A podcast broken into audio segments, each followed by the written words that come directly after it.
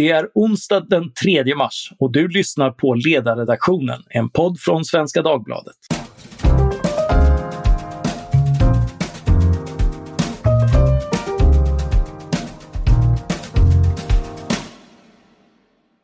Jag heter Mattias Svensson och dagens ämne är pandemiprotektionism. Med mig för att diskutera detta har jag Johan Norberg som inte bara är en kär vän utan skribent och författare till ett flertal böcker. Den senaste heter på svenska Öppen sluten, hur människan skapar och förstör framsteg. Han har också, apropå dagens ämne, författat en rapport åt tankesmedjan ESIPE, the European Center for International Political Economy. Och rapporten har titeln COVID-19 and the danger of self-sufficiency, how Europe's pandemic resilience was helped by an open economy. Den handlar med andra ord om hur EU och Europa skapat och förstört framsteg under pandemin. Välkommen Johan! Tack Mattias, tack för inbjudan! Ingen är särskilt sugen på globalisering nu, utom möjligen Johan Norberg, sa vänsterdebattören Po Tidholm i ett radioprogram förra våren. Det kan vara svårt att minnas när vi nog lite till mans sitter och väntar på multinationella läkemedelsföretags globala leverans av vacciner. Men det var lite grann stämningsläget bland politiska tyckare och makthavare förra våren. Vad var det för tankar och förslag som såg ett uppsving och som du beskriver lite grann i din rapport? Jo men Po Tidholm hade ju en poäng. Det första som hände när det blev allmän kris och, kris och nödläge var att eh, man tänker att man ska sluta sig inne, man ska isolera sig från omvärlden och eh, det spädde på en kritik mot globalisering som redan tidigare hade funnits. Varför har vi inte produktionen här hemma, på hemmaplan? Varför tillverkar vi inte alla de här komponenterna som vi behöver? För att nu är vi beroende av eh, plötsligt leveranskedjor som går över hela jordklotet. Om de stänger sina fabriker, ja, då stoppas ju de löpande banden här med och vi har inte ens ansiktsmasker, skyddsutrustningsproduktion här hemma vi borde subventionera och skydda den typen av forskning. Vi fick en parad av EU-politiker, EU-kommissionärer som talade om detta. Eh, fransmännen sa det som vanligt, det säger de oavsett om det är kris eller ej. Men det som var nytt den här gången var att vi fick det även från tyskt håll. Eh, förbundskansler Angela Merkel började tala om att eh, vi behöver nog ha mer inhemsk produktion av, av viktiga varor och Eh, det första konkreta eh, exemplet på det vi fick se var att länder som Frankrike och Tyskland de till och med införde exportförbud för medicinsk utrustning och till och med i Frankrikes fall konfiskerade skyddsutrustning som var på väg igenom Frankrike, på väg till Italien och Spanien som då var i skriande behov av, eh, av det förra våren. Eh, ja, det var ju rätt eh, ordentliga, men var det inte så att sådana här åtgärder är tuffa men nödvändiga om man vill värna sin egen befolkning? Nej, det är inte det utan det här är det mest klassiska misstaget som inträder under krislägen. Eh, och, det, och min senaste bok här, Öppen sluten, som du nämnde, handlar ju delvis om det. Att i krislägen, ja, då får man den här känslan att det är nödvändigt för att skydda sin egen befolkning att vi sluter oss inne, vi lägger beslag på de varor som vi har behov av och slutar handla med omvärlden. Det är ett väldigt vanligt fenomen men det är oerhört destruktivt. Och destruktivt därför att vad, vad det leder till är att man bryter sönder just de här kedjorna som man är beroende av med omvärlden. Vi har sett det tidigare till exempel i samband med eh, livsmedelspriskriser. Att när livsmedelspriserna börjar dra iväg, kanske för att bränslepriserna har ökat, transporterna har varit svåra, då börjar länder skydda sig själva genom att införa exporthinder mot omvärlden så att livsmedlen inte sticker någon annanstans. Ja, det som händer då, ja, det är samma sak som när man börjar eh, hamstra toapapper. Det är att eh, det bara det försvinner från marknaden. Eh, priserna ökar för alla inblandade och det blir inte tillgängligt för en själv.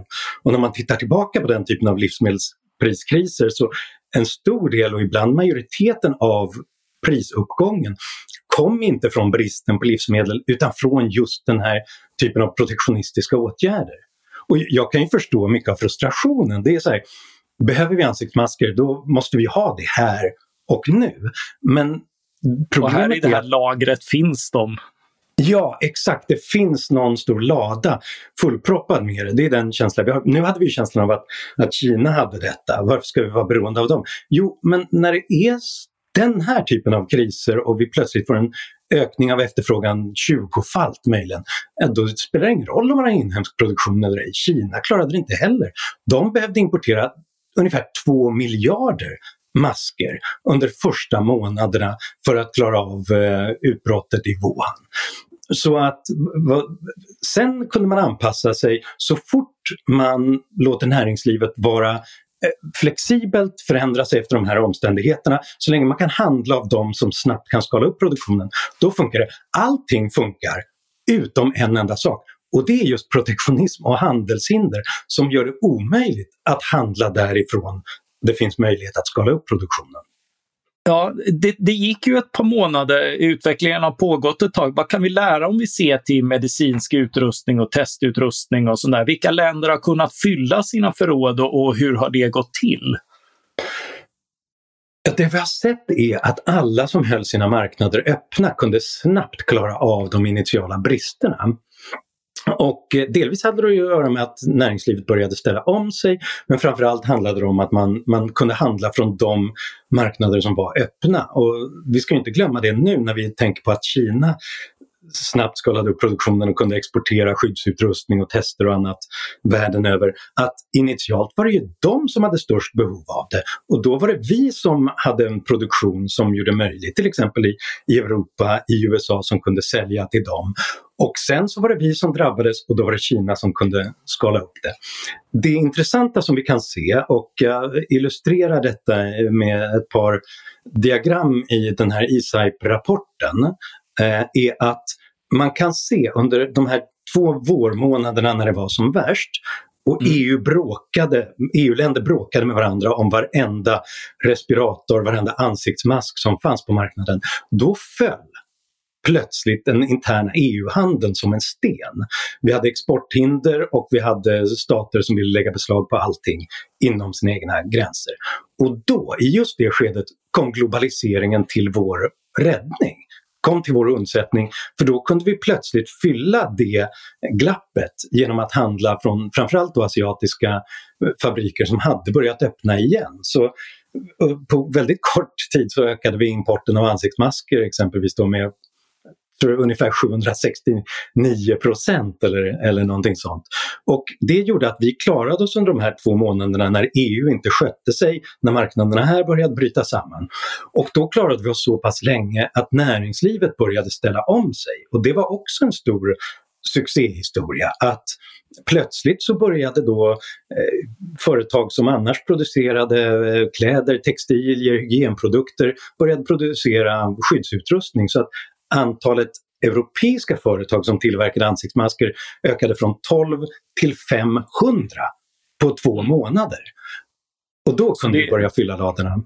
Så det är både en, en inhemsk succé i att företag har kunnat ställa om och, och tillverka visir och annat, men också att man har kunnat utnyttja att, eh, att, man, att pandemin har dragit fram olika så att länder som inte haft stor smitta har kunnat producera och sälja till länder som varit hårdast drabbade och alltså behövde det som mest.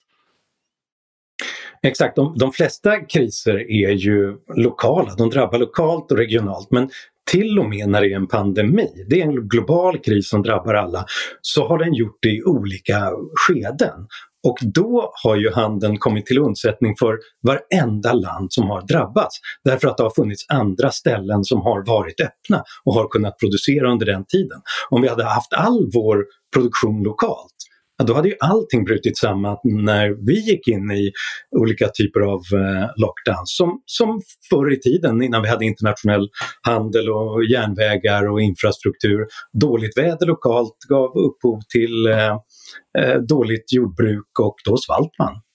Ja, jag brukar tänka på när, när Sverige eh, 2001 hade stora översvämningar och en tredjedel av potatisskörden försvann så var det ingen som märkte något därför att eh, prispåslaget i butiken blir bara någon enstaka krona därför att det finns på världsmarknaden.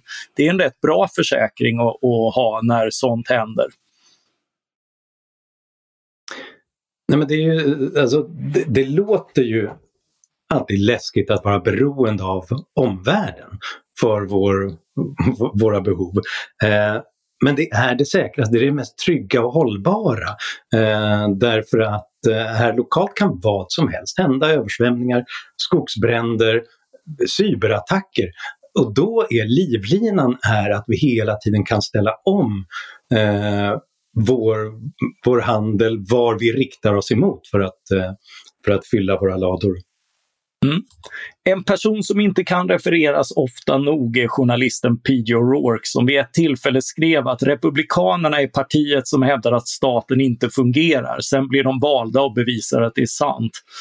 På samma sätt tycks vi i den här pandemin ha fått nya illustrativa exempel på att eh, statsingrepp och hur statsingrepp inte fungerar.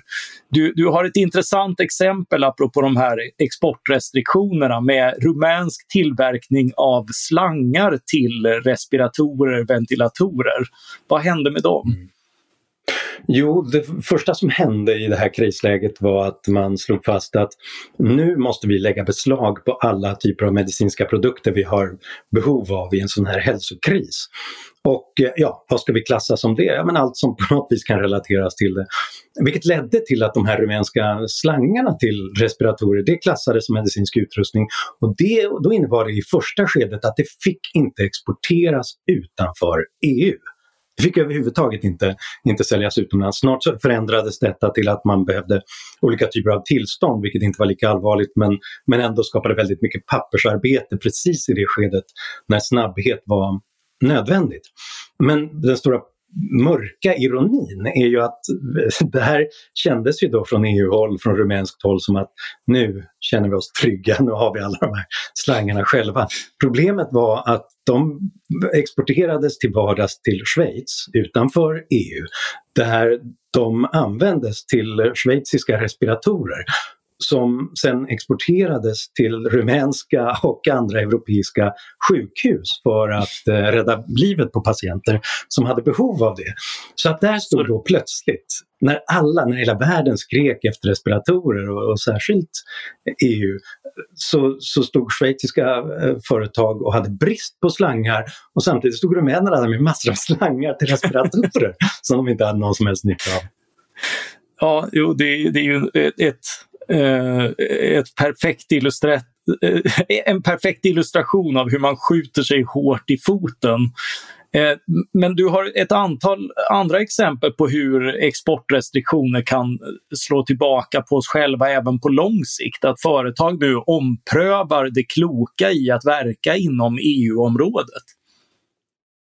Ja, det som händer, ta ett exempel som den vaccinnationalism som vi nu har börjat få, där det är någon slags tävling om vem som är snabbast med att eh, vaccinera sin befolkning och det kan man ju förstå. Men det ledde ganska snabbt till att eh, EU började överväga att förbjuda export av eh, vaccin utanför unionen, till och med till Nordirland och började spekulera i att införa en hård gräns däröver.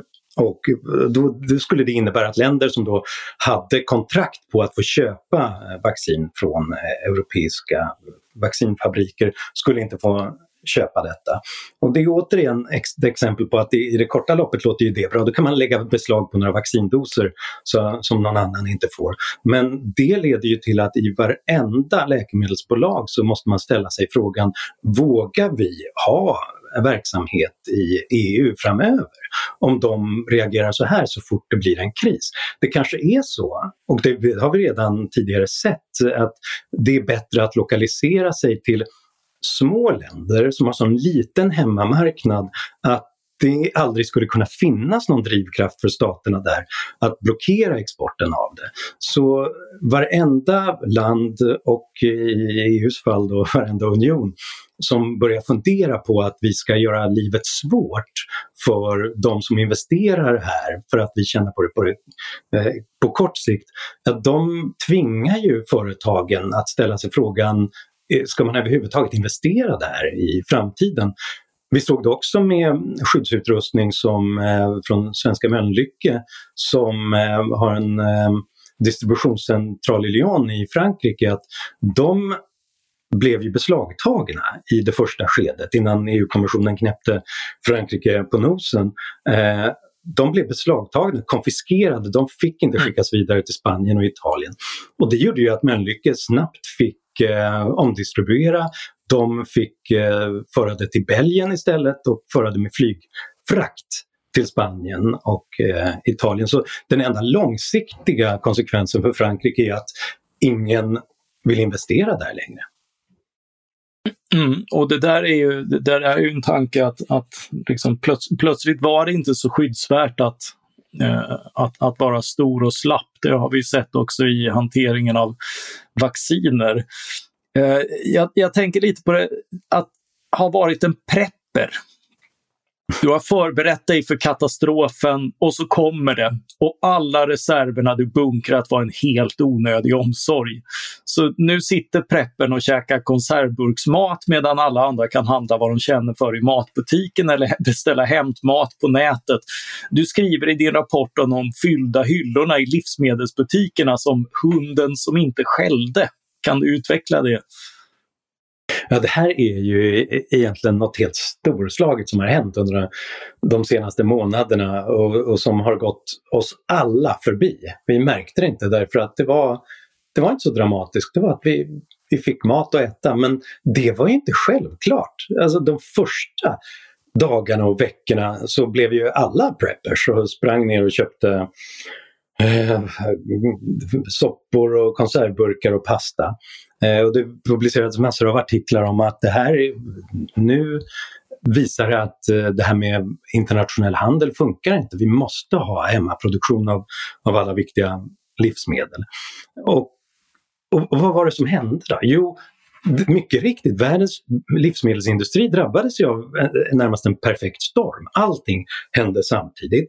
Eh, personal som försvann, eh, höll sig borta från fabriker, från transporter, eh, migrantarbetare som inte fick komma till plats. Man fick samtidigt då preppers som eh, som hamstrade alla möjliga livsmedel och å andra sidan hela restaurangnäringen som bara försvann över en natt.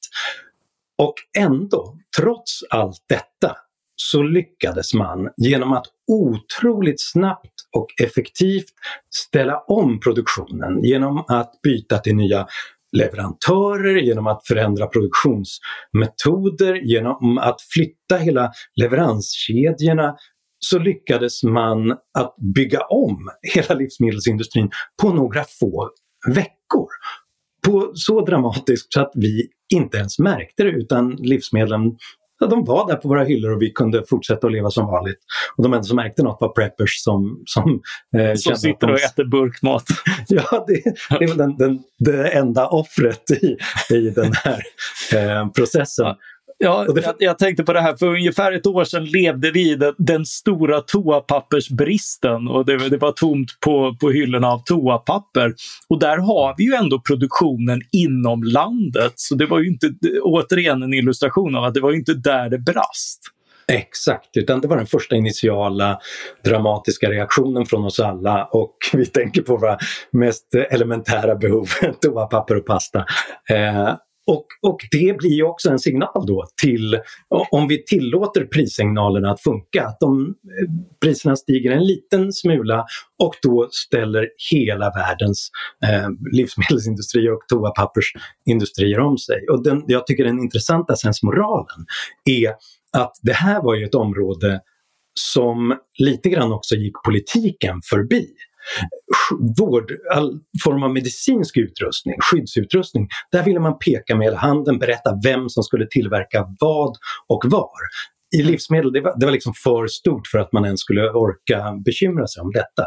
Och det var därför det fungerade så otroligt smidigt. Därför att varenda liten förändring av tillverkningsprocessen, varenda liten förändring av en leveranskedja, mm, byta från en hamn till en annan, en leverantör till en annan.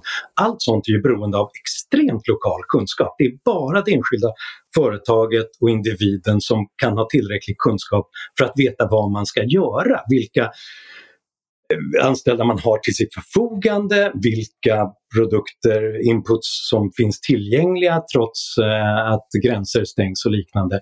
Och vad de kunde sluta tillverka utan att det blev katastrofala brister på annat ställe. Det var just att det var decentraliserat som gjorde att det funkade.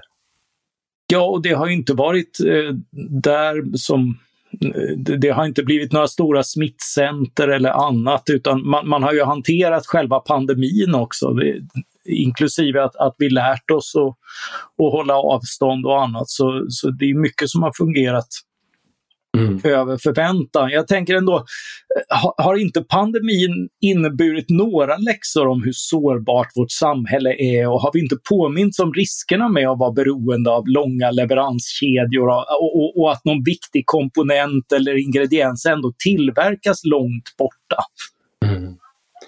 Jo, men det är riskabelt att vara beroende av producenter som finns långt borta. Och det är riskabelt att vara beroende av producenter som finns nära oss också. Eh, det finns alltid ett riskmoment att vara beroende av någonting överhuvudtaget och den enda fråga vi kan ställa oss är, är det bättre att då koncentrera produktionen och lägga den så nära oss som möjligt?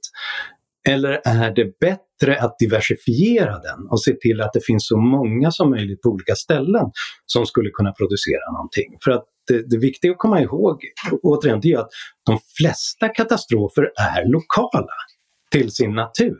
Även de flesta epidemier är lokala, drabbar lokalt. Översvämningar, skogsbränder, eh, krig. De flesta saker drabbar ett visst område som är geografiskt närliggande, som är kulturellt, ekonomiskt integrerat på olika vis. Om vi lägger allting vi har behov av där, då kommer allting falla samman det ögonblick som krisen kommer om vi öppnar upp oss mot omvärlden så gör det oss mindre sårbara. Och det är särskilt viktigt skulle jag säga när det gäller sånt som eh, medicinteknik av olika slag. Vi, vi har skrikit oss fördärvade om hur läskigt det är att vara beroende av Kina för vissa för, för ansiktsmasker och, och sånt där. Men tittar man på statistiken så åtta av världens tio största exportörer av all form av vårdutrustning är europeiska. Störst i världen är Tyskland som exporterar ungefär två och en halv gånger så mycket som Kina. Och, och Kina är bara den stör, sjunde största exportören av vårdutrustning. Och det betyder... Sett till värde, de har mycket kvantitet men, men inte eh, de har väldigt, ner i värde. De har väldigt mycket ansiktsmasker för 20 öre som de tillverkar. Och, eh, det tycker jag, läxan är ju inte att vi ska försöka tillverka, skapa en sån här blomstrande 10-20 öres eh, ansiktsmaskindustri i Europa och, placera, och ha ständigt överskott, eh, överkapacitet där som ändå inte kommer räcka när det väl behövs. Eftersom Kina behövde också importera väldigt mycket initialt där.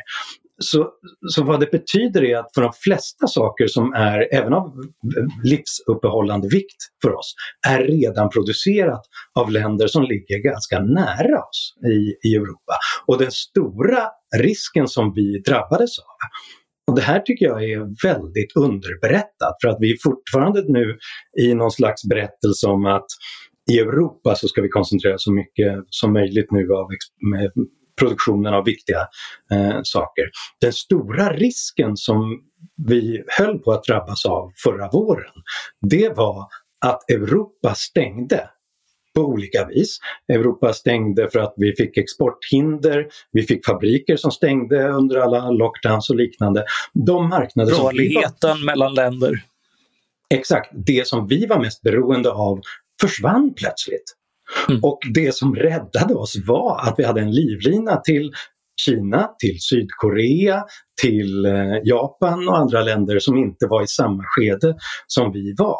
Vi är redan väldigt beroende av Europa och att öppna upp oss mot resten av världen gör oss faktiskt mindre sårbara det här, det här är väl lite grann av en trend som har skett i det, syst, i, i det tysta. Visst, det, det, det, har varit exportrestriktioner men det har också varit rejäla liberaliseringar för första gången sen i alla fall finanskrisen eh, för, eh, för import. Därför att det blir plötsligt inte bara idiotiskt utan livsfarligt att, eh, att, att ha höga tullar på handsprit och, och ansiktsmasker och annat som man omedelbart behöver. Ja, det där är en otroligt viktig poäng att initialt, i det absolut första skedet, så var det många länder som tänkte att säkerhet var att stänga sina gränser. Men i nästa skede, så de flesta förändringar av handelspolitik bestod i att man öppnade sig mot omvärlden därför att man insåg att det var, vi, vi har inte, eh, vi klarar oss inte utan den livlina som globaliseringen innebär. Och det tycker jag är borde vara den läxa som, som vi lär oss av detta. Att eh, imitera lite och kanske bredda den lag som eh, Sydkorea har tagit fram. Sydkorea som har drabbats av en rad epidemier under de senaste decennierna och som lärde sig en viktig eh, läxa. Det är att man ska ha i kristid en generell liberalisering av tillståndsprocesserna för framtagande av ny eh, utrustning, eh, testutrustning exempelvis. Men, men det här kan man ju ha på eh, handelspolitikens område också. Att istället för ett skäl till att vi har haft sådana brister på skyddsutrustningens område i västvärlden trots att väldigt många eh, företag plötsligt har producerat överskott och faktiskt har väldigt mycket utsåld, eh, eh, osåld utrustning i, i sina hangarer. Det är att vi fortfarande har så mycket regleringar på området som man måste gå igenom för att som nytt företag få sälja ansiktsmasker, handskar, visir och liknande. Mm. Det kanske är så att i krisläge när det handlar om liv och död så ska vi göra som sydkoreanerna och ha en kristids politik Ja, som sen eh, kan, kan få leva kvar i eh, en del fall också kanske.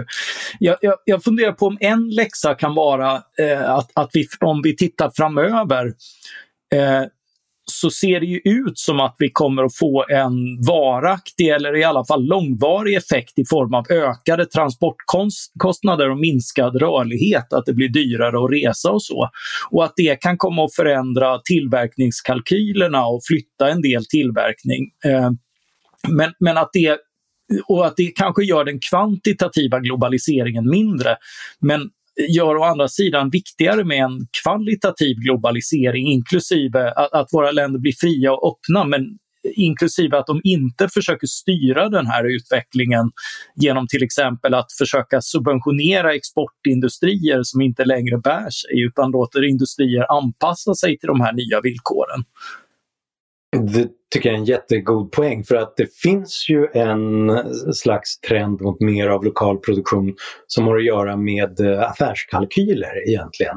Eh, ökade lönekostnader i många eh, asiatiska exportmarknader i Kina och liknande.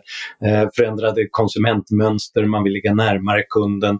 Kanske ökade bränslekostnader och liknande och ibland så är det rimligt att då på rent affärsmässiga grunder göra den förändringen. Problemet är att när det börjar hända så är det väldigt lätt för politiker att hoppa på och tänka att nu ska vi driva på det här som, som redan händer och känna att vi, vi kan placera liksom, politikens flagga på den här bergstoppen och, och, känna att vi var med och skadade, skapade det. Och jag skulle säga att det, det är just där då man ska hålla sig borta från det och se till att det sker och förändras utifrån rationella cost-benefits-kalkyler om vad som är rimligt och vad som inte är rimligt. Därför att det kan man inte veta centralt utan det är bara någonting som just kan märkas på marknaden genom prisförändringarna, genom den kontakt som varje företag har med, med varje kund. Så just när någonting händer åt ett håll som politiker gillar, just då ska de verkligen surra sig vid masten och räkna till tio och hålla sig undan så kanske det funkar som de vill att det ska funka. Ja, just då och just i kristid och kanske eh, alla, alla scenarier däremellan. Finns det några generella lärdomar för hur länder bäst hanterar kriser i, i vad vi har gått igenom? Du har, du har ju varit inne på en del, men jag skulle säga att den generella lärdomen är att eh, återigen räkna till tio. eh, därför att alla våra instinkter springer åt fel håll i kristid. Det är då vi drabbas av den här samhälleliga fight or flight-instinkten och tror att vi ska skydda oss bakom murar och handelshinder och mucka gräl med syndabockar och andra länder och läkemedelsföretag. Det var, det var väl så som som vi på stenåldern hanterade varje kris. Och komplexa problem som virus hanterar man inte genom att slåss mot det eller slåss mot eh, företag och, och utlänningar utan genom att ackumulera mer kunskap och, och utnyttja deras förmåga att, att ställa om sig. Och jag tycker efter att ha tittat på hur vi hanterat många kriser och reagerat på just det här sättet så tycker jag att den viktigaste lärdomen är att vi vet ju inte var nästa kris kommer ifrån.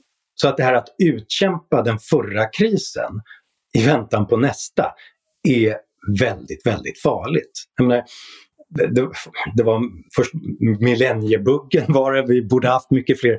Alla borde ha utbildats till dataprogrammerare så att vi hade kunnat ställa om all utrustning. Översvämningar, vi borde haft mycket mer eh, potatisproduktion, skogsbränderna, alla borde ha varit eh, brandsoldater och vi borde haft massor av extra brandbilar och vattenbombar och den här gången var det att vi borde haft en enorm överkapacitet på, på munskydd och IVA-platser. Och om vi hade gjort det om vi hade gjort så efter varje kris så hade vi sänkt enorma resurser i någonting som inte hade räddat oss ifrån nästa kris. Därför att vi vet inte var nästa kris kommer ifrån. Det är det, det, är det som skapar kriser. De är ganska oförutsägbara till sin natur. Utan då är det bättre att ha en generellt sett högre nivå av välstånd, vetenskap och teknik så att vi kan anpassa oss och en snabbhet, en flexibilitet, en rörlighet. Se till att vi håller marknaderna öppna så att de företag som snabbt kan ställa om sig och de länder som inte har drabbats av just den här krisen, de kan komma till vår hjälp.